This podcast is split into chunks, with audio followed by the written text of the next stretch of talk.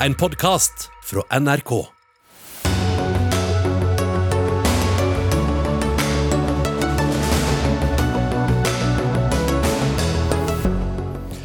Hvem skal lede danskene videre? Sittende statsminister eh, Mette Fredriksen annonserte nyvalg i dag, og unngikk dermed mistillit. Men hvor sterkt står hun? Velgerne i Norge insisterer fortsatt på at Erna Solberg er foretrukne statsministeren ifølge ny måling ett år inn i Støres regjeringstid. Selv blant SVs velgere vil 17% ha henne på toppen. Ordførerkandidat i Hallingdal vil ha lokal strømstøtte til hytteeierne for å unngå tomme hytter i vinter. Det er ikke veien å gå, svarer sittende ordfører. Og vi har fått det største prisfallet på boliger siden finanskrisen. Men er det bare dramatisk? Ja, dette er noen av sakene i Dagsnytt 18 denne onsdagen. Jeg heter Espen Aas. Og vi starter med Holger Danskes eh, fremtid. Eh, han, eh, eller alle dansker da, om du vil, skal til valgurnene 1.11. Det kunngjorde statsminister Mette Fredriksen i formiddag.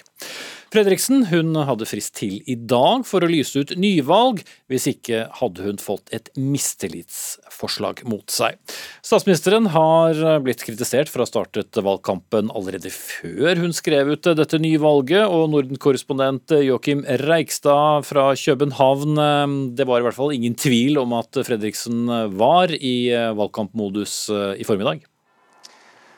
Ja, Det var hun så absolutt. Hun brukte første, den første talen sin, eller de minuttene hun hadde til rådighet da etter kunngjøringen nettopp å starte valgkampen. Hun snakket om at eh, Danmark trengte en eh, trygg og stabil regjering som kunne ta landet videre gjennom den krisen som Danmark, som resten av Europa, står i. Så det var ingen resignert statsminister som utlyste valg, selv om eh, mange kommentatorer nok mener at hun gjør dette med en viss grad av tvang.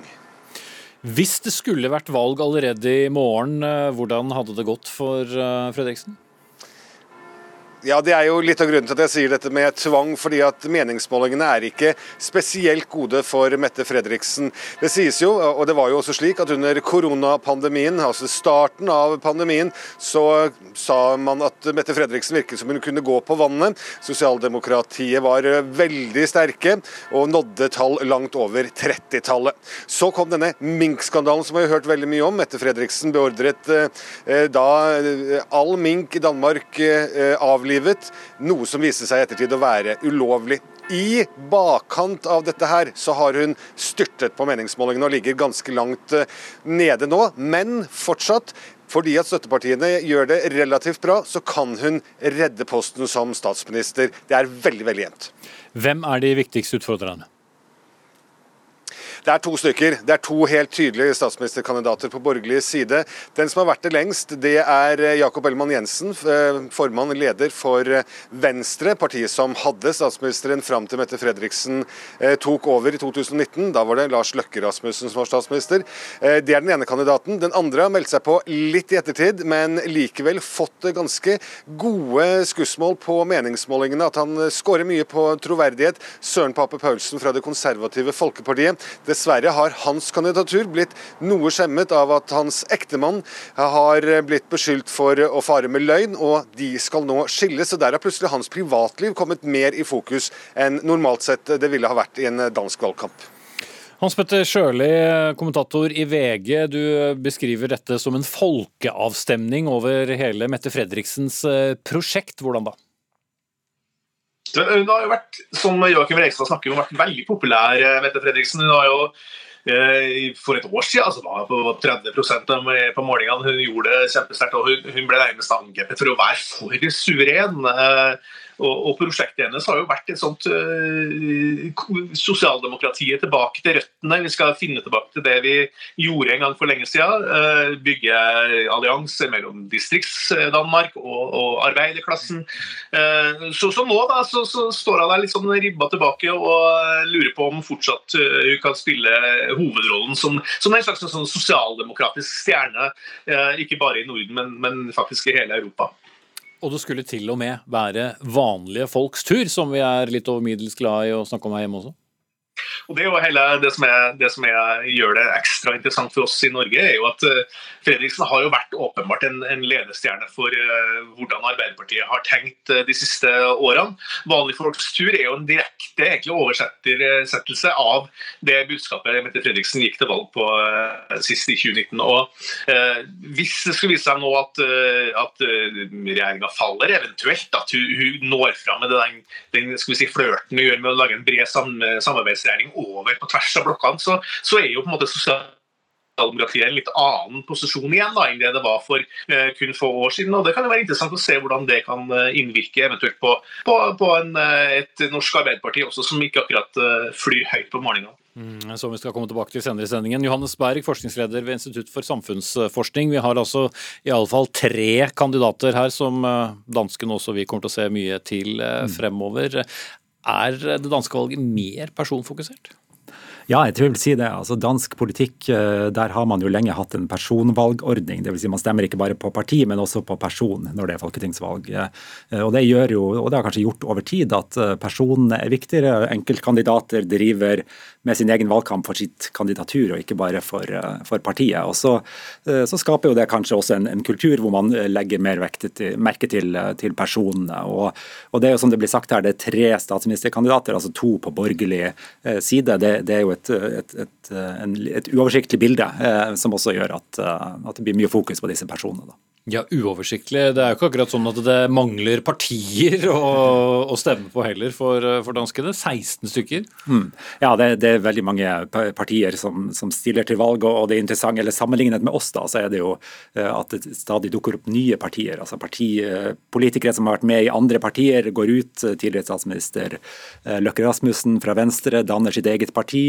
Støyberg danner sitt eget parti, fra, også tidligere fra, fra Venstre. Så, så partier kommer og går går i dansk politikk på en helt annen måte enn det vi ser her. Og, og de nye partiene lykkes med, med å vinne eh, oppslutning, da, hvis vi tror på meningsmålingene. Men gjør det kanskje noe uoversiktlig for velgerne?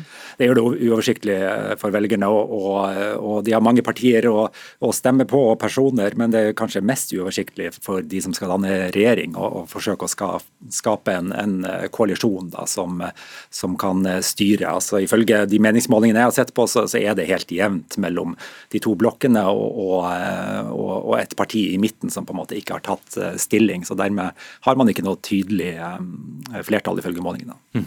Mye har jo handlet om mink, Joachim Joakim Reikstad, i, i, veien frem til, eh, til eh, denne, dette valget. Hvor, hvilke saker kommer til å, å prege de neste ukene? Ja, altså Mink-saken kommer nok til å være noe som dras opp Eh, innimellom. altså Inger Støyberg, som jeg snakket med tidligere i dag, hun nevnte jo faktisk det allerede da hun møtte pressen eh, i, i, i formiddag, eller tidlig ettermiddag. Eh, men det er klart, det som er det, den store saken i Danmark nå, det er det som er over hele Europa. Det er høye priser. Prisene på matvarer går opp, strømprisene går opp. Hvordan skal man løse dette her? Er det å kutte skattene som er den riktige løsningen? Da vil nok de som mener det, stemme på eh, Søren Pape Paulsen eller på Venstre, mens eh, de som kanskje ser at det er andre løsninger som må til, de velger andre partier. Men det er helt klart, dette kommer til å fylle mye i valgkampen. De tradisjonelle sakene, helse, eh, klima, skole, er ikke så viktige når landet som resten av Europa står i en slik eh, krise som de gjør nå. I hvert fall hvis vi spør de fleste kommentatorer, men også politikere i dag. Mm. Ja, Nettopp det at det er valg i krisetid. Hans Petter Sjøli, er det en Eh, en god tid for, for velgerne å, å, da bestemme politisk eh, fremtid for mange år fremover? Jeg, jeg synes jo så på Mette Fredriksen at hun ikke syntes det var så spesielt uh, stilig situasjon å være i. Var, det virka hun motvillig, syns det er dumt at det skal være et valg nå midt i krisetida. Så får vi nå se hvordan, det, hvordan, hvordan velgerne responderer. Tidligere så sa man jo ofte at du fikk et styringstillegg eh, når, når, man, når det er krise. Man Velgerne kjenner regjeringa di, vet godt hvem du er, hva du står for. Eh, men nå, er det litt mer uklart. Og, og, og, som Johannes Berg også var inne på, så er det veldig jevnt på de målingene. Så det er vanskelig da, å se noe som spå noe sånn, hvem, som skal, hvem som kommer til å vinne det her. og Det er vel også derfor kanskje at Mette Fredriksen nå har, har lansert det litt sånn overraskende eh, eh regjeringsprosjektet som hun nevner, at hun skal gå på tvers av blokkene lage en slags samarbeidsregjering. Det, det, det, det tror jeg tok ganske mange på senga i, i dag. At uh, et såpass selvsikkert og såpass uh, et sosialdemokrati i Danmark som har kjørt på egen kjøl og, og hatt en regjering uh, som har hatt såpass stor selvtillit at de nå skal på en måte bygge bro over til, til det andre sida, det, det, tror jeg kanskje var litt, kom litt bardus på mange, mange dansker i dag. Mm. Det er jo som dette med, med valget i krisetid, Johannesberg.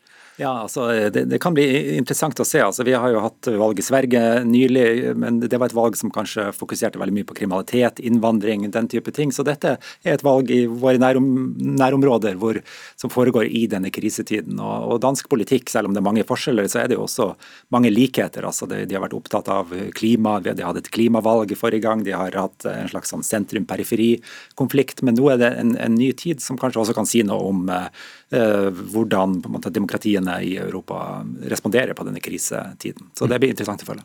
Men bare det at da en sittende statsminister kan skrive ut nyvalg sånn som hun eh, gjorde nå, det er jo ikke en ordning eh, vi har i Norge. Bare forklar litt hvordan det skiller oss. Ja, altså i, i de fleste parlamentariske demokratier så kan regjeringen eller så kan det skrives ut nyvalg, og at man følger ikke bare en fast ordning sånn som vi har i Norge. Så, så det er på mange måter det norske systemet systemet som er, som er, uvanlig, at man har valg hvert fjerde år. Så, så når det oppstår en regjeringskrise eller en, en, eh, vanskelig parlamentarisk situasjon, så kan man skrive ut eh, nyvalg. Så ofte må jeg som forsker på en måte forklare til mine kollegaer hvorfor vi har dette rare systemet i Norge da, med, med faste valg hvert, hvert fjerde år. Mm.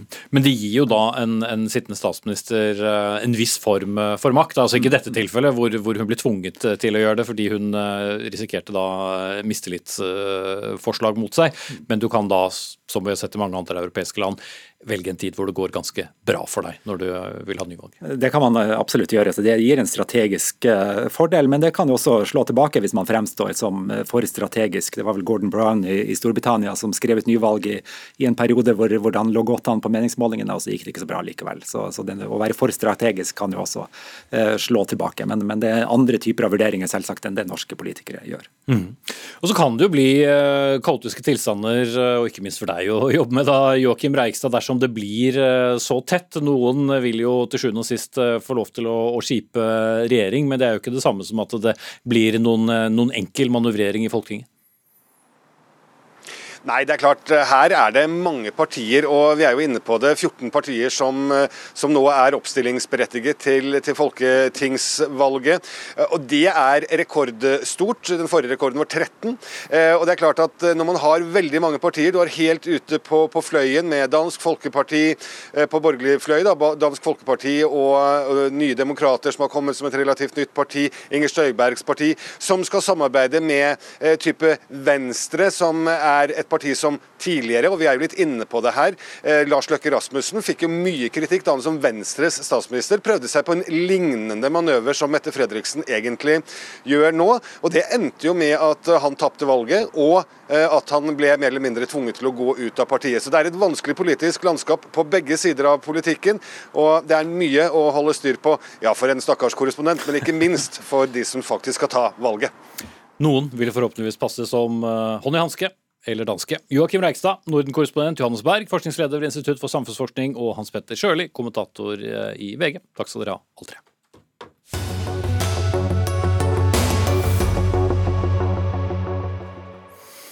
Så skal det handle om hjemlig politikk og debat debatten, holde tungen i orden her, om privatiseringen av helsevesenet dukker eh, opp som en bumerang i den norske politiske diskusjonen, ikke minst under trontaledebatten som eh, har holdt på i to dager. Og i går sa du, Tone Wilhelmsen Trøen, stortingsrepresentant for Høyre og helsepolitisk talsperson, du gikk til angrep da på din politiske motstander i Arbeiderpartiet, Cecilie Myrseth, og kalte hennes definisjon av privatisering for nesten pinlig. Hva betyr det? Det betyr at når, når Arbeiderpartiet da, og Cecilie Myrseth sier at fritt behandlingsvalg er privatisering, eller fritt brukervalg er privatisering, så, så er det helt feil. Um, Hvorfor det? Fordi at når um, det offentlige kjøper behandlingskapasitet i det private, og gir behandling til pasienter som er henvist til helsebehandling og trenger det, Eh, og betale for det, så er det ikke privatisering. Privatisering er hvis, eh, Hvis du føler deg tvunget til å gå og betale helt privat selv, enten på et sykehus og betale dyrt for en operasjon, eller du velger å gå f.eks. til en privat lege hvor du ikke får noe refusjon, det er privatisering. Det er det ingen av oss som ønsker at skal være hovedregelen i, i norsk helsetjeneste. Tvert imot. Mm. Ja. Vi ønsker at det skal være en offentlig betalt helsetjeneste, og det å framstille fritt behandlingsvalg f.eks. som privatisering, det er nesten pinlig at Arbeiderpartiet gjør det. Ja, det var da fryktelig så mye pinlig, Cecilie Myrseth fra, fra Arbeiderpartiet. Hvordan definerer du da denne privatiseringen? Er det så lenge det finnes noe som er privat noe sted? Nei, altså Jeg tenker at jeg tar den retorikken til Tone Trøen med knusende ro. Vi er jo helt uenige i politisk retning. Eh, og jeg mener jo at det vi gjør, er jo å kalle en spade for en spade. Eh, det Høyre gjorde, var å innføre flere privatiseringsreformer. Fritt behandlingsvalg er jo en av de, hvor man egentlig ga de private helseaktørene fri etableringsrett eh, på bekostning av den offentlige helsetjenesten. Det er altså en ordning hvor, eh, hvor de offentlige sykehusene har måttet betalt veldig mye eh, for at at eh, flere private aktører skal, eh, også de som vi ikke har eh, hatt bruk for, har kommet inn på bekostning av det offentlige helsevesenet. Så jeg tenker at jeg og Arbeiderpartiet er opptatt av at vi bruker helsepengene våre riktig, at vi bruker helsepersonell riktig, og at vi bruker det på å styrke den offentlige helsetjenesten. Så tenker jeg at min og Tone Trøen sin definisjon på hva som er privatisering, kommer vi ikke til å bli enige om, men politisk retning, det er vi uenige om, og det får vi bare stå i. Tror ingen er uenig i akkurat den analysen, men, eh, men tror jeg når noen blir da henvist til en privat tilbyder, selv om det er i eh, offentlig regi, hvordan kan du si at det ikke er privat? Fordi det er betalt av det offentlige. Men kunne ikke de pengene, bare for å fortsette da resonnementet til din motdebattant her, eh, like godt bli brukt i det offentlige, uten at det måtte gå til noen som var privat? Nei, men Vi må jo huske at det er veldig lang tradisjon i norsk helsetjeneste for et samarbeid mellom offentlige og private. Og eh, antallet private aktører i spesialisthelsetjenesten f.eks., i sykehus, da, altså private aktører som også leverer helsetjenester i avtale med, med det offentlige, det har stått seg ganske stabilt over mange tiår. Eh, så vi ser jo ingen enorm vekst av private aktører. Det vi må huske på, er at Samarbeidet mellom offentlig og privat sektor gir oss også noen viktige fordeler i helse. Det gir oss en kapasitet som det offentlige kan lene seg på i kriser, f.eks. sånn som under koronapandemien, hvor testing og vaksinering og mye av dette eh, var en viktig beredskap da, som det private bød på. Og så byr det også på noen andre ting. Det byr på et mangfold. Det byr på en viss grad av valgfrihet for pasientene. At de kan velge Eh, noe annet enn det offentlige. Men for Høyre er jo, vi har jo vist gjennom ni budsjetter, at vi styrker den offentlige helsetjenesten. Så det er jo ikke det, jo ikke det vi nå snakker om. Men blir det billigere eller dyrere? I noen tilfeller så er det jo sånn at de fritt behandlingsvalg-leverandørene, de får jo noe mindre refundert enn det man beregner at den offentlige kostnaden for den samme er. Jeg tror det aller, aller viktigste er å si at dette er en forsvinnelig liten andel av norsk helsetjeneste som skjer hos private for det offentliges regning, men det er et veldig viktig samarbeid som vi ikke må rive ned. Mm. Jeg syns det er en litt sånn tåkelegging av, av, en viktig debatt. Altså, Høyre har alltid vært for en, en økt privatisering av velferdstjenestene våre. Arbeiderpartiet har ikke vært det. Med de reformene som Eh, som høyreregjeringa innførte, så fikk jo f.eks. i fjor eh, Sykehuset Telemark eh, og Sørlandssykehuset 70 og 60 millioner mindre i sine lokalsykehus for å drive med pasientretta behandling. Og det er jo pga. at man ønsker å eksperimentere sånn som man gjorde. Og jeg tenker at Det som jo er situasjonen nå, er at Helse-Norge har mange uløste oppgaver. Vi har en fastlegekrise som vi heldigvis kom med gode nyheter for, for i dag. Vi har kapasitetsutfordringer i sykehuset. Vi har uløste uløste oppgaver når det kommer til psykisk helse. Alle disse oppgavene krever at vi har en sterk offentlig helsetjeneste. Da må vi bruke pengene våre riktig. Men hvorfor er, er, det uansett feil å bruke penger eh, på private? Kan det ikke være at de forvalter ressursene på en bedre måte enn et offentlig? En annen ting som Høyre bruker å Nei, men bare svar på ja, det spørsmålet først. Jeg skal svare på spørsmålet ditt. En annen ting som Høyre bruker å si, er jo at nå på en måte skal vi på en måte strupe alt samarbeid med private. Det er jo også bare tull. Fordi at eh, vi skal jo fortsette å ha avtaler med eh, private aktører der det er behov. Men det som høyreregjeringa innførte, det var jo at man skulle ha fritt frem for private aktører til å komme og forsyne seg av felleskassa, men, men vi skal fremdeles ha private aktører som helseforetakene inngår eh, samarbeid med, langsiktige avtaler, som et godt supplement både med private og ideelle aktører. Sånn kommer det også i fortsettelsen til, til å være. Tror. Så Det Cecilie Myrseth egentlig sitter og sier nå, det er at uh, f.eks. rusbehandling hos en fritt behandlingsvalgaktør er et økonomisk tap. Uh, når det gjelder Sykehuset Telemark, som Cecilie Myrseth veldig ofte bruker som et eksempel, så har de et budsjett på 4,5 milliard. Uh, og de brukte i 2020, tror jeg, ikke arrester meg på årstallet, ca. 40 millioner i refusjon til fritt behandlingsvalgleverandører for pasienter i Telemark som var henvist til den type behandling. Det er altså ca. 1% av sykehusets budsjett. Men hvis vi noen gang som politiker tenker hvis dette var meg, hvis man har vært i behandling i det offentlige for en alvorlig rusavhengighet i mange ø, år, Eh, så ønsker man kanskje en noe større valgfrihet, eller muligheten til å velge et sted som har en annen behandlingsform, eller som rett og slett eh, ja, jobber på en annen måte enn det offentlige.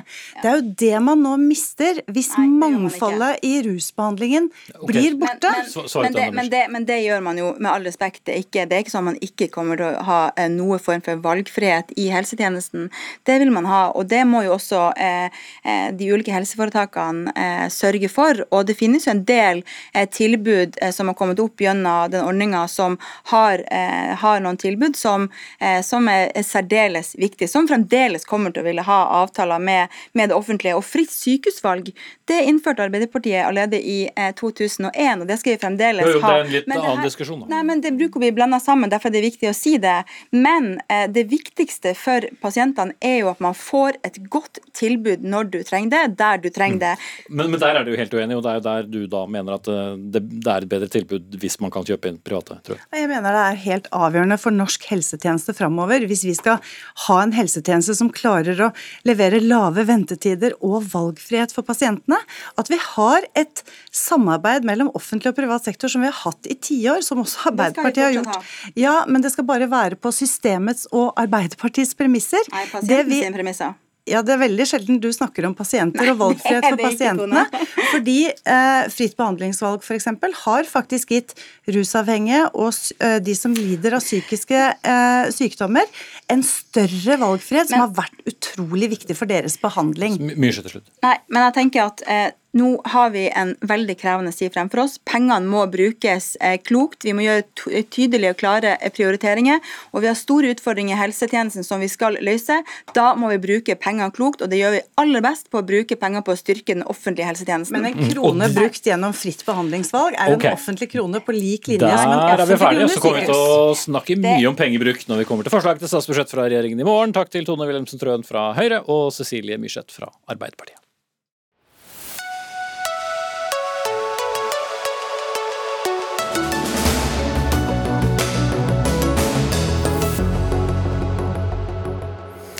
Samtidig som det blir stadig dyrere å eie bolig med alle rentehoppene som har kommet den siste tiden, så faller også nå verdiene på de samme boligene. Nye tall fra Eiendom Norge som kom i formiddag, viste et fall i boligprisene på 2,2% i løpet av september. Det er da selvfølgelig snitt. Og administrerende direktør Henning Lauritzen, 2,2% høres jo egentlig lite ut, men det er høyt i den store sammenhengen? Altså, Før september så steg boligprisene i Norge med 9,1% i år, og det er, det er, veldig høyt. Og Hvis man ser på et månedsfall, så er 2,2% høyt. Men hvis vi da ser det i sammenheng med det det har steget hittil i år, så kan man jo si at det er fortsatt gått ganske kraftig opp så langt. Mm. Eh, og boligprisene har jo jevnt over steget eh, ja, med, med, noen små korreksjoner da, i, i flere tiår eh, egentlig i Norge. Hvorfor har det plutselig da kommet denne bråstoppen? Nå har vi hatt en situasjon hvor, hvor boligprisene ble rentefyrt under hele pandemien. Og så har det vært veldig få boliger på markedet i starten av året i år. og Det har nok gjort at boligprisene har fortsatt ganske mye oppover. Men nå begynner rentene å virke, og det er det vi ser i september. Husholdningene kjenner det på lommeboken og er mer forsiktig i boligkjøpet sitt. Mm. Så er det jo selvfølgelig forskjellige tall fra sted til sted i Norge, men vi ser jo særlig at storbyer, Oslo, Bergen, Trondheim, det vi gjerne kaller for pressområder. Der også går det ned. Hvorfor gjør det det hvis folk egentlig vil bo i byen? Ja, Det kan man si er litt fascinerende, men vi ser ofte at de stedene hvor boligprisene er høyest, der har folk eh, også høyest gjeld. Og da merker de renteoppgangen mye mer enn man gjør der hvor prisene er lavere. Så det vil ofte være sånn at f.eks. Oslo vil lede litt an i en boligprisnedgang. Hvor langt ned tror du prisene skal? Ja, vanligvis så går prisene ned utover hele høsten. Det kommer de helt sikkert til å gjøre i år også. Og så kommer de kanskje til å gå litt ekstra ned pga. renteøkninger. Og så må vi se hvordan det går med arbeidsmarked og andre ting fremover, for det får jo også veldig stor påvirkning på boligmarkedet. Sara Midtgaard, seniorøkonom i Handelsbanken. Hva forteller disse tallene som kom i dag deg om boligmarkedet? Nei, Jeg er veldig enig i det Henning Lauritzen sier her. At vi ser at det er et nå skifte i boligmarkedet. Hittil i år så har det vært store begrensninger på tilbudssiden. Vi ser at antall usolgte boliger på markedet har vært eh, rekordlavt gitt den enkelte måned. Og det har jo holdt boligprisveksten oppe. Men nå ser vi at antall usolgte boliger har tatt seg opp, og dermed får også renten fungere enda mer og bite mer på boligprisene enn det vi har sett hittil i år. Så vi tenker at dette er starten på en slags eh, vending i boligmarkedet. Og vi ser for oss et eh, fall i boligprisene, mer enn de typiske sesongtrendene i løpet av høsten. Mm. Men hvor mye ned skal, skal boligprisen jevnt over, da? Vi ser jo for oss et fall neste år på ca. 3% snitt år mot år, og et fall på 2% år etter der igjen. Så det skal ned, men vi er ikke like pessimistiske som mange andre analysemiljøer. Nei, Noen spår jo oppimot 10 eh, i boligprisfall, men er det ikke sunt da, etter eh, så mange år med oppgang at eh, boligprisene justerer seg noe ned? Det spørs litt hvem du tenker på. Selvfølgelig For en førstegangskjøper så er det positivt hvis boligprisene går mer ned. Men så er det slik at 80% av norske husholdninger over det bor i selveid bolig. Dersom boligprisene faller betydelig, så vil jo det gjøre at de får mindre egenkapital når de skal kjøpe ny bolig. Så det vil jo være uheldig for de aller fleste nordmenn. da. Eh, og så er det jo for så vidt langt mellom, men du har jo da markedsverdien på boligen som går ned. Også hvis du kjøpte bolig nå eh, tidligere i år, at du kjøpte på topp, da, i hvert fall i, i noen av byene, så vil jo da låneverdien begynne å nærme seg i hvert fall eh, markedsverdien. Men bør de som eh, kjøpte på topp da, i hermetegn eh, være bekymret? Jeg tror det er viktig å tenke på når man generelt sett skal kjøpe bolig, at det er viktig å holde på den minst tre år for å kunne si at man får noe igjen for den. Så selvfølgelig noen kan merke at hvis man kjøpte på topp og skal selge igjen om et år, at man mister, altså at man taper rett og slett på det boligkjøpet. For vi må huske at det er høye transaksjonskostnader også når man skal selge en bolig. Så det man anbefaler er å holde på boligen i hvert fall rundt tre års tid. Eh, da pleier det nødvendigvis å lønne seg. Mens hvis man skal selge om et år, da kan det hende at man taper på det. Mm. Og det er det lenge siden eh, noen strengt tatt uh, har gjort. Mm. Eh, Henning Lausen, eh, nå har vi jo hatt denne diskusjonen som du var innom i tidligere uken med, med boliglånsforskriften. Eh, og disse faktorene sammen har gjort at dere er bekymret for, for førstegangskjøperen og, og, muligens for egen virksomhet, hva vet jeg? ja, nei, Det vi er bekymret for er jo at boligmarkedet kan bli ustabilt hvis vi for det første får renten som da er med på å dra ned boligprisene, og det, det syns vi på mange måter er greit. Men hvis vi da på toppen av det får andre forhold som drar dem ned ytterligere, så kan det være uheldig. Og det er jo sånn at Vi har denne utlånsreguleringen for å hindre at det blir tatt opp for mye lån og finansiell ustabilitet, men her mener vi at vi kan faktisk få det hvis man drar til for mye, for det blir en slags sånn dobbel innstramming med begge disse to tingene sammen. Mm. Eh, boligutbyggeren Obos presenterte tall tidligere denne uken som også var eh, ja, for Oslos del enda kraftigere, som gjerne er et eh, termometer for hvor utviklingen går. Sara Midtgaard, og så spørs det jo litt selvfølgelig hvor det handler. Men er dette en slags fasit på at Norges Bank nå får til det den vil? Norges Bank har jo i sine egne prognoser et boligpris De ventet jo boligprisfall på 0,3 eh, nå, og de venter videre fall mer enn de typiske sesongtrendene i løpet av høsten. Så dette kommer ikke som en overraskelse på Norges Bank, og de vet jo også at det å heve renta, det demper boligprisveksten, og dermed også den generelle prisveksten, som er da målet til Norges Bank akkurat her og nå. Mm. Jeg tror ikke de ønsker noe dramatisk stort fall i boligprisene, men det at det går litt mer ned nå, det er akkurat det Norges Bank forventer kommer til å skje. Kan det komme til å påvirke de renteplanene som Norges Bank har presentert så langt, som for all del er usikre? Nei, hittil så har det jo sum og summarium eh, truffet relativt greit, så jeg tror at eh, dette her ikke vil prege Norges Bank sine renteplaner fremover. Boliglånene blir altså dyrere, boligverdiene noe lavere. Strømpriser, drivstoffpriser, ladepriser og det aller meste har jo blitt dyre. Men hvor mye virker det egentlig inn på vanlige folks lommebok? Vi har hentet inn Europas største inkassoselskap, Intrum, og deg, sjefanalytiker Morten Trasti. Slik som dere ser da Norge, er vi nå på vei inn i en tid hvor vi kommer til å se at nordmenn faktisk sliter med å betale regningene, ut fra det dere vet? Eh, det er ingenting som tyder på det, i hvert fall i våres tall. Altså, vi hadde jo en brå nedgang i misligholdet i starten av pandemien, og det er jo fortsatt en 10-15 eh, mindre inkassosaker enn det det var ved inngangen til pandemien. Og det, Foreløpig så viser det ingen tegn på å endre seg. Og så har jo også, også det vært sånn at hva som går til inkasso, har jo også endra seg ganske mye. altså at vi ser jo mye mindre eh, misligholdte krav knytta til bankfinans, sånn som f.eks. Eh, boliglån og kredittkort og, og, den type krav, mens vi ser noe mer av det man kan kalle vanlige, regelmessige regning, regninger. Da. Hva er det? Det er f.eks. strøm, offentlige avgifter, eh, telekrav, bredbånd, den type ting er det noe mer av. Men mm. ikke alarmerende mye, vil jeg si.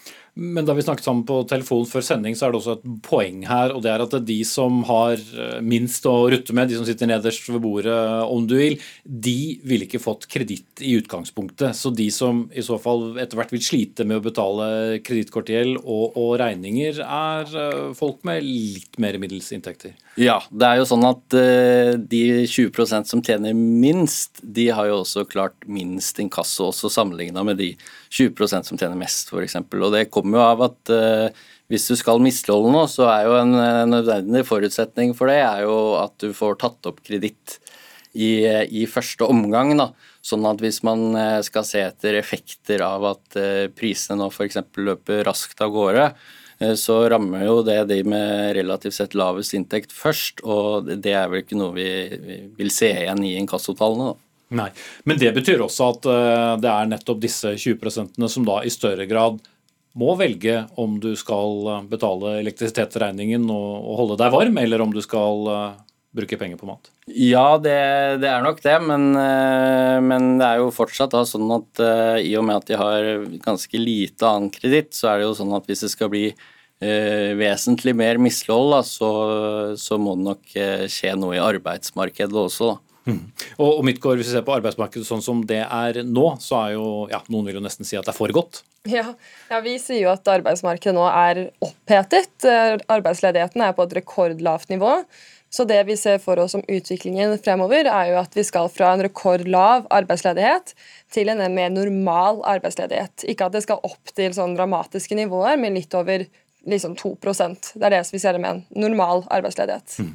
Og det er fortsatt såpass lave tall at eh, det ikke vil nødvendigvis eh, gjøre seg så mye gjeldende i inkassotallene? Eh, ikke sånn som, eh, sånn som, vi ser det, nei. Så må det nok eh, betydelig opp eh, før, før misligholdet skal, skal, feste seg på tidligere høye nivåer, da, for, for å, å, si det sånn. Og det er, jo, det er jo også sånn at det er jo ganske stor forskjell på det å kanskje merke eller oppleve en realnødsnedgang på et par prosentpoeng, sammenligna med hvis man skulle miste jobben, da, som vil jo kreve mye større og, og, raskere tilpasninger i privatøkonomien.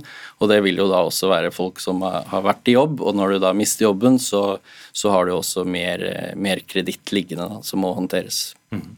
Og litt flere indikatorer på hva regjeringen tror om uh, vår økonomiske fremtid, og hvordan det er tenkt å påvirke den, kommer altså i morgen i forslaget til uh, statsbudsjett. Uh, takk skal dere ha, sjefanalytiker Morten Trasti, som altså kommer fra Intrum, Sara Midtgaard fra Handelsbanken og administrerende direktør Henning Lauritzen fra Eiendom Norge.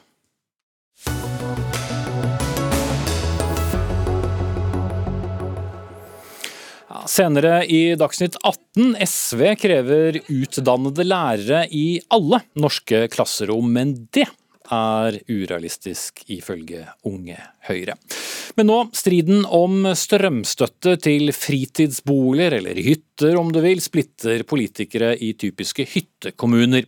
For som kjent så vil ikke regjeringen gi noe strømstøtte til fritidsboligene, de vil eh, prioritere husholdningene og næringsliv. Men flere kraftkommuner derimot, de har innført fastpris til innbyggerne. Og Jørund Lie, du er ordførerkandidat for Høyre i Ål i, i Hallingdal. Du har både overfor avisen Hallingdølen tidligere og, og, Verdens Gang i dag understreket behovet rett og slett for å innføre en fastpris på 40 øre kilowatt-timen, også for hytteeiere. Hvorfor må man ha det? Vi mener det er et klokt forslag. Vi ser jo at vi har eh, vi har 3000 hytter i Ål, og det er våre deltidsinnbyggere. De bidrar med ca. 300 millioner kroner i, i, lokal handel hvert år, og er en betydelig bidragsyter til, til utvikling av eh, levende lokalsamfunn. Og Derfor så mener vi at eh, vi har råd til Vi, vi har 200 ca. 250 GWh som vi, som vi, disponerer, og vi mener at, uh, at vi gjør det klokt i å tilby 40 øre fastpris til innbyggere, til eh, lokalt næringsliv og til våre deltidsinnbyggere, som bidrar i så stor grad til, til eh, verdiskaping og sysselsetting i Ål kommune og i Hallingdal. Solveig Vestenfor, du er eh, da ordfører i samme kommune fra, fra Arbeiderpartiet. Hvor viktig er hytteeierne for næringslivet i kommunen din? Nei, De er veldig viktige, de. Og det er helt riktig som Jørund sier, at uh, hytte-deltidsinnbyggerne i Ål betyr mye. Men det som skremmer meg litt, det er jo det at en her kommer med noen slags uh, lovnader som jeg tror er veldig vanskelig å holde. Og Det handler om alle de kortene som ikke er delt ut. Nå snakka du i stad om at statsbudsjettet blir lagt fram i morgen. Det er veldig mange usikre kort for hva vi som vertskommuner for kraft egentlig har å rutte med når alt kommer til alt. Vi har jo allerede 28.9 fått varsel om at det vil bli trukket fra konsesjonskraftinntektene bl.a. Eh, og det kan utgjøre relativt eh, store summer for oss. Så eh, jeg syns at det er veldig skummelt å begynne å fordele penger for neste år som vi ikke har ennå. Men kan det ikke, som vel er Lis eh, poeng delvis, kommer til å koste kommunen vel så mye dersom eh, hytteeiere stenger ned hyttene og uteblir denne sesongen fordi strømkostnadene blir for høye? Nei, men her er det snakk om, altså Hvis det blir slik som er foreslått fra regjeringa, de skal jo ha et flertall også i Stortinget. Men hvis det da er snakk om at en trekker 50 øre per kilowattime, så utgjør det for Ål kommune hele 50 millioner ca. Mm. Og det er relativt Altså det er dramatisk for vårt kommunebudsjett. Og, og har jo, eh, altså, ja. ja. Jeg bare trekker inn eh, Jørund Lie fra, fra, Høyre igjen. og Da kan man jo som kommunepolitiker komme i den noe upopulære situasjonen at man må hente de pengene fra et eh, helt annet sted, fordi det rett og slett ikke er nok å, å hente fra kraftinntektene? Vi har, eh, vi har, fortsatt 150 millioner kroner igjen eh, etter de 50, slik som prognosen er på, på, på, på 22-tallet. Altså, vi har ikke budsjettert med noe annet enn 40 øre i langtidsbudsjettet. Så at eh, de inntektene vi har nå, de, de er like dramatiske andre veien. slik at her tror jeg vi skal få Eh, og Det er ikke snakk om å dele ut, som Solveig sier. Her har vi foreslått noe som vi mener er klokt, som ivaretar både stabil inntekt til kraftverket, til kommunen, og som skaper forutsigbarhet både for innbyggere, næringsliv og deltidsinnbyggere. Så eh, ja. Så Vi har ikke lovt noe som helst, men vi har kommet med et forslag som vi mener er klokt, og som, eh, som sikrer oss begge veier. Men poenget er jo likevel at det blir en endring fordi regjeringen eller staten vil hente ut mer av kraftinntektene fra kommunene. Så det er vel fortsatt en fare for at det da må gå utover eh, andre budsjetter? Eh, nei, vi har ikke budsjettert med noe mer enn 40 øre. Så det er eh, det, er det, som, det er det, som, er fakta. Og det har også Solveig vært med og vedtatt. Så det vet Solveig veldig godt. Og eh, nå får vi bare se hva som blir utfallet av, av statsbudsjettet. LVK skal på banen på fredag. Vi har sagt at vi tar dette her ansvarlig og klokelig i forbindelse med budsjettet, men vi mener vi har et godt forslag som som vil eh, gi eh, rimelige forutsigbare utgifter på strøm til innbyggere, næringsliv og deltidsinnbyggere.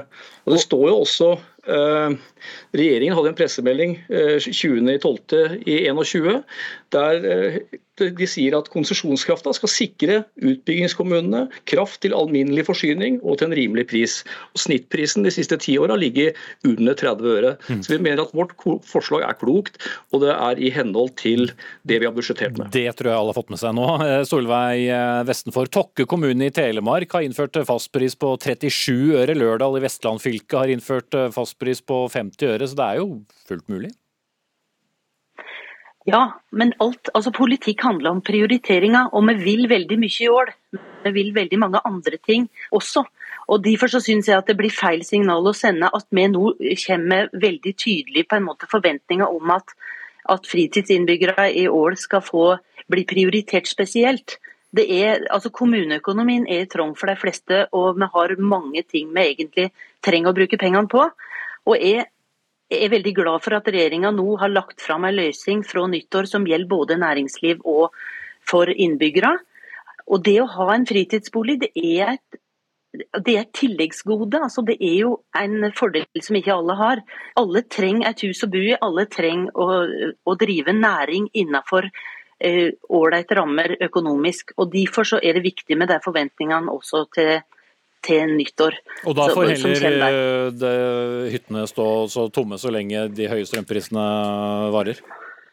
Vi har ansvar for hele den totale kommunale drifta på kort og på lang sikt. Og jeg mener at det at enkeltkommuner har særordninger, det jeg tror ikke er lurt. Jeg tror det er mye bedre at dette her kommer fra sentralt hold. Og eh, selv om jeg er veldig glad for at vi har eh, veldig engasjerte, gode ambassadører for Ål gjennom deltidsinnbyggerne våre. Så Jørund Lie, det kan eh, spøke for en eh, all inclusive med det første? Jeg tror ikke det. Jeg tror at eh, de signalene som kommer nå, eh, som er så massive på uteblivelse av eh, besøk, er så store at det kommer til å synke inn. Men vi får se. Vi får ta ting over budsjettet. Eh, Så får vi finne, finne gode løsninger. Men vi står på 40 øre fastpris som en god og klok løsning. Så får vi se hva vi ender opp med. Jørund Lie, ordførerkandidat for Høyre i Ål kommune, og Solveig Vestenfor, sittende ordfører fra Arbeiderpartiet.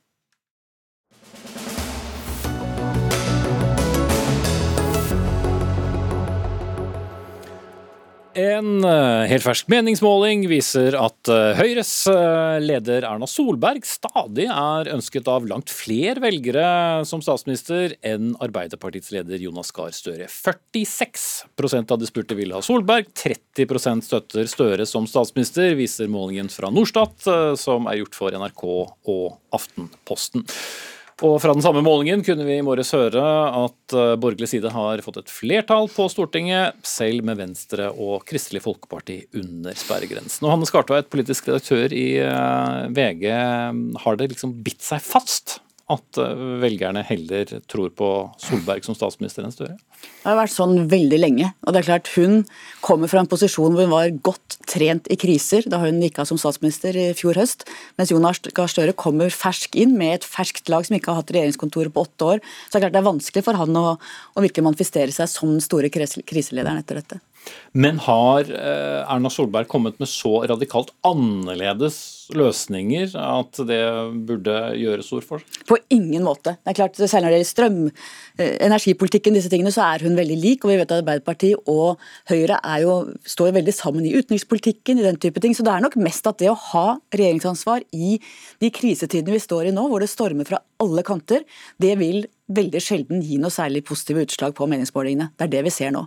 Lars Nehru Sand, politisk kommentator her i NRK. eh, Selv SVs velgere har de sier 17% at de heller vil ha Erna Solberg enn Jonas Gahr Støre. Samtidig er det de som skal eh, sørge for et flertall for eh, budsjettet i morgen. Kommer dette krisebudsjettet, som vi har hørt om i månedsvis, til å gjøre situasjonen noe lettere? Eh, for regjeringen gjør det ikke nødvendigvis det, men det er klart det bidrar til en mer politisert debatt på regjeringens premisser. Da. Det er regjeringen som nå eh, har serven og, og, eh, kommer med sine politiske løsninger, og, og, sånn sett kan klare å definere en debatt i mye større grad enn en disse krisene som jo er, kommer utenfra og, og, må håndteres. Her er det jo forhåpentligvis, får vi tro, da, sett med regjeringens øyne, politikk som vil begeistre deres velgere, og som selvfølgelig også sier at noen debatter er viktigere enn andre.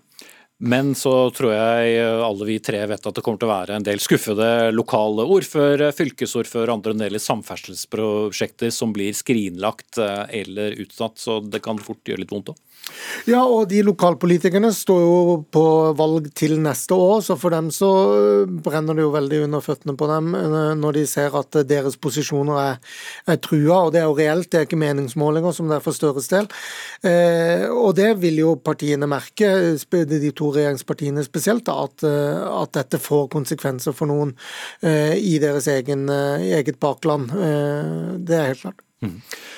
Eh, vi kan jo ikke gjøre om på det som har skjedd, Hanne Skarteit. Det har vært eh, strømkrise, vi har krigen i Ukraina, vi har en eh, løpende inflasjon, høyere renter og varsel om at dette budsjettet kommer til å inneholde mye som ikke blir noe gøy. Er det litt ufortjent at Støre får tommel ned?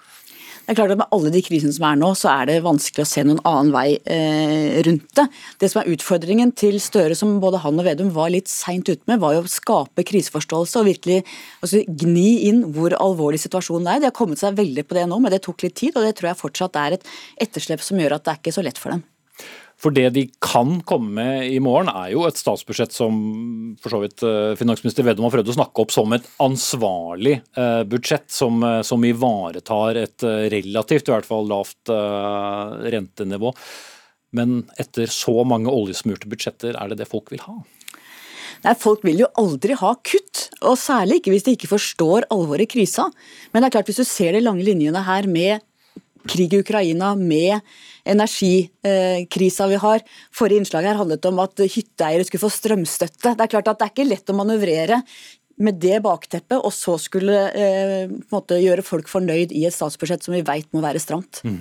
Og Så får vi en gammel problemstilling opp igjen, Lars Nehru Sand, som bl.a. Sylvi Listhaug, Fremskrittspartilederen, minner eh, om både i trontaledebatt og i intervjuer, at Staten tjener seg søkkrik på avgifter på strøm. Vi tjener masse penger på gass, og vi tjener masse penger på, på olje. Så det å være pedagog og politiker, eh, ja, det er ingen lett oppgave.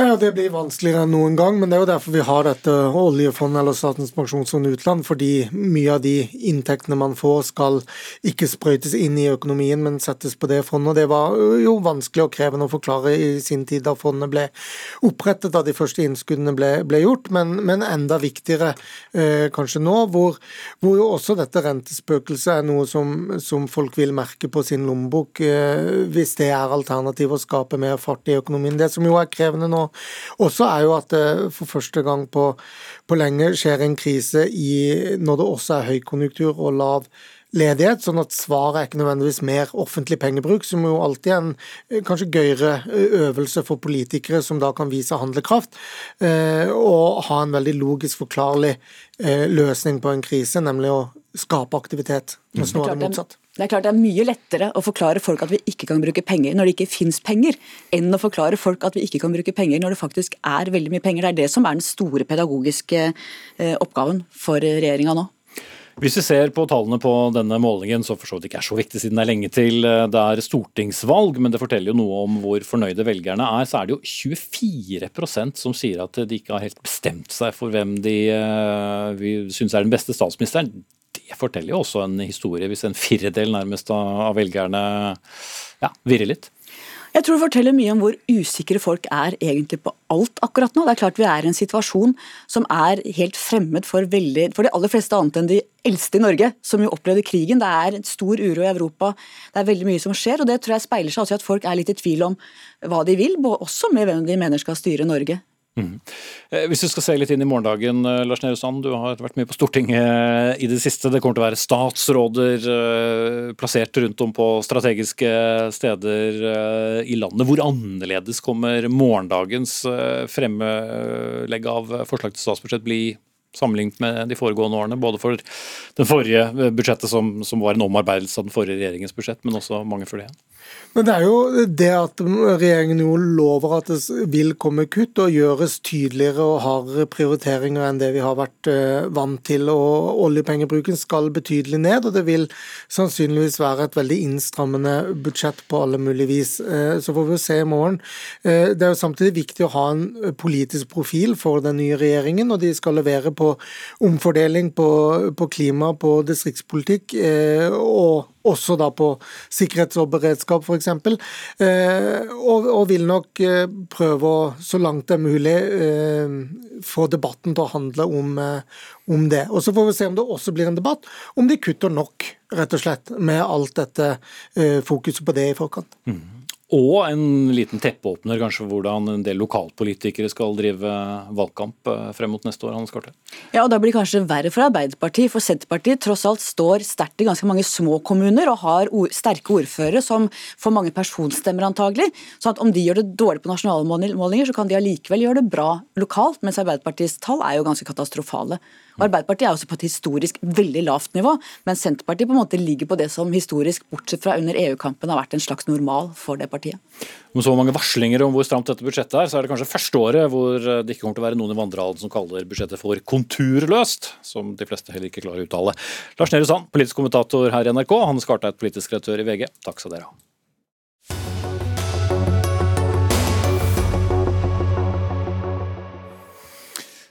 Politikken er for alvor i gang igjen i Stortinget, og vi skal nå snakke om SVs krav til at alle lærere i norske klasserom skal være faglig kvalifisert. Én av fem lærere i dag har ikke ikke formell lærerutdanning, noe som eh, jo ble behørig poengtert eh, før, under og etter den lange lærerstreiken som nylig ble avsluttet med tvungen lønnsnevnd. Og Andreas Schral Gundeland, stortingsrepresentant fra SV.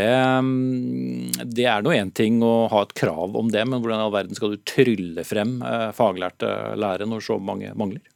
Det vi kan starte med å si er at etter denne streiken så er tilliten mellom lærere og kommuner og fylker tynnslitt. Og jeg tror det hadde vært viktig at Stortinget hadde sendt et tydelig signal til lærerne om at vi anerkjenner den viktige eh, faget de representerer, og det det er å undervise og stå foran i et klasserom og skulle lære å motivere elever i skolen. I dag så er jeg én av fem ufaglærte i skolen, og vi mener jo at da kan vi lovfeste en rett for elever til å ha faglige, kompetente lærere i klasserommet. Og så Når det er sagt, så er ikke det en quick fix. Selvfølgelig så må man eh, få disse lærerne inn i skolen. Men i dag så er ja, én av fem er ufaglærte. Men, men alternativet er jo da å ha færre som underviser? Nei, for det er ikke sant. Én av fem er ufaglærte i norske klasserom. Men også én av fem eh, utdannede lærere jobber ikke i skolen i dag. Så Det er de vi ønsker å hente inn igjen. og Da må vi rett og slett løfte statusen. Det At Stortinget sender et tydelig signal, det mener jeg ville vært en god start på det. Mm. Ingrid Storebø, sentralstyremedlem i Unge Høyre. Dere er kritiske til dette forslaget. Hvorfor vil dere ikke ha utdannede lærere? Altså, Vi er jo enige om at vi må ha gode og kvalifiserte lærere. og Det var derfor Høyre også eh, stilte et krav om at alle undervisere skal ha eh, pedagogisk utdannelse. Og så sørger vi for 4800 flere kvalifiserte årsverk i skolen. Men derimot det vi egentlig er uenige om, er hvordan vi får kvalifiserte lærere inn i klasserommene. Og For å løse de utfordringene så må vi øke attraktiviteten til læreryrket. Og vi må rekruttere og kvalifisere flere lærere. Nå høres dere nesten enige ut, da. Nei, for det, det, Høyre gjorde når de styrte i åtte år, det var jo en mistillit til norske lærere. Det var å avskilte de, det var å innføre rigide krav som firerkravet i matte, som også eh, faginstansene til regjeringen sjøl og lærerne og fagbevegelsen var, var, imot. Det valgte de å innføre. Mens det som er viktig for oss, er jo hvordan gjør vi det attraktivt å jobbe i norsk skole. I dag så opplever mange en, en mistillit. Vi mener at det er mye vi må gjøre, at vi må ha en opptrappingsplan og en rekke tiltak vi har fremmet på Stortinget før, men også det å øke øke lønnen. Og Høyre var jo det eneste partiet i valgkampen som ikke mente at man skulle øke lønnen for lærere for å gjøre det mer attraktivt å jobbe i norsk skole. Jo, men poenget her er jo at deres forslag Man kan ikke lovfeste flere lærere og forvente at de plutselig på et magisk, magisk vis skal dukke opp. Og så er det jo sånn at Vi må ta i betraktning at det er mange små kommuner i Norge som ikke har eh, like store ressurser og kompetansen. Og Da må vi sikre at de elevene som sitter rundt om i Norge, faktisk får en lærer som kan undervise. Og det er ikke sånn at man da plutselig kan stille opp med en lærer. Mm. Må... Så selv om man da ikke har eh, formell utdannelse, så da er systemet greit som det er? Ja, fordi sånn som det er i opplæringsloven i dag, så er det jo sånn at man har to unntak. Og da er det enten det at der man kan bruke eh, lærerstudenter og la de undervise eh, som vikar, eller at man da henter inn andre med spesialpedagogikkompetanse. Og Da må man også ta i betraktning at de små kommunene de trenger virkelig den kompetansen for at elevene får undervisning. For alternativet er at det ikke vil være noe undervisning i det hele tatt. Er det ikke også en viss degradering av de én eh, av fem, da, eller de 20% som ikke har den formelle kompetansen i orden, men likevel fungerer godt i, i klasserommet? Det er jeg helt uenig i. Eh, jeg mener det er en eh, underdrivelse og at man ikke forstår hva det betyr å være lærer, og den faglige kompetansen som ligger i den utdanningen. Når Stortinget og norske politikere i lang tid har tillatt at så mange ufaglærte får lov til å stå for undervisningen til barna i, i norsk skole. Eh, og Jeg skulle jo ønske at Høyre delte vår visjon og hadde vært med på å lovfeste dette i dag, men valgte jo å stemme mot det i eh, Stortinget. Og så er det en rekke ting vi er nødt til å gjøre for å få dette på plass. Det handler jo både om å sørge for at arbeidsvilkårene blir eh, bedre, det handler om å tilby god etter- og videreutdanning, handler om flere lærere på jobb. Så det er en rekke ting vi er nødt til å gjøre, men å si tydelig at vi lovfester dette, mener vi er viktig. Og det er også viktig, for da kan ikke kommuner og fylker snike seg unna den plikten vi politikere legger på dem. For det vil være et tydelig insentiv til norske kommuner og fylker å si nei, det skal være fag lærte lærere som står men, men skal de da omprioritere på egne budsjetter, eller er dette noe som skal betales fra den store staten? Det er ikke noe hemmelighet at SV ønsker å styrke kommune- og fylkesbudsjettene. Så da skal det komme mer uh, penger? Storbø? Ja, for Jeg, jeg syns det er uh, interessant i måten du argumenterer uh, for. fordi det man vet, er at for det første så gjorde Høyre en rekke tiltak for å øke kompetansekravene i skolen. Men NHO har jo, NOU mener jeg, har jo hatt dette oppe til vurdering. Det har vært på høring tidligere. Og Det man også eh, da viser til fra NOU, er jo at det rett og slett ikke er ansvarlig mange steder i landet å eh, forvente at lærerne da skal ta inn enda flere elever. Så dette forslaget er jo ikke realistisk i hele Norge. Og så vil jeg også legge jo, til bare at det ta den da. Hvor, hvor realistisk er det å få det til i enhver eh, liten kommune? Eh, dette er realistisk, og så er det klart at vi må ha en opptrappingsplan for, for å få dette til. Som sagt, det er ingen quick fix. Men jeg synes ikke hvor, at hvor lang fix eh, snakker vi om?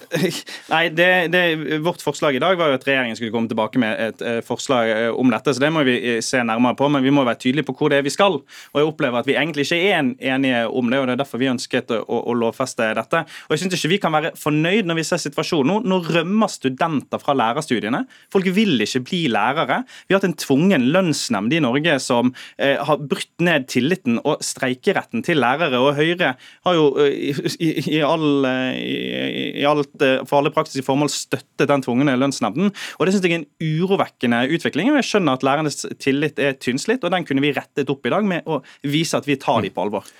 Men du tror at elevene primært vil ha utdannede lærere? Storebø? Jeg tror at alle elever uansett har rett til å møte en god lærer i klasserommet. Men det som er poenget med dette forslaget fra SV, er jo at det er en del problemer som kommer opp. F.eks. når man da legger eh, rettighetene på så eh, individnivå. Hva skjer om eleven skal saksøke skolen? Hva skjer om kommunen ikke får ansatt en kvalifisert lærer? Og hva skjer om læreren blir syk, eller man da eh, ikke får inn riktig vikar? Det var så mange spørsmål at ikke du rekker å svare på dem. Kanskje var det bra også. Hva vet jeg. Andreas Schall Gunnland, stortingsrepresentant fra SV, og Ingrid Storbø, sentralstyremedlem fra Unge Høyre. For denne Dagsnytt 18-sendingen den er ved veis ende. Synnøve Wede Trampe var ansvarlig for innholdet. Lisbeth Sellereite det tekniske. Jeg heter Espen Aas, og så er vi tilbake igjen i morgen. Og da blir det reneste forslag til eh, statsbudsjett, eh, bonanza. Men jeg lover at vi skal få plass til litt eh, annet også. Følg nyhetssendingene på NRK utover kvelden. Takk for nå.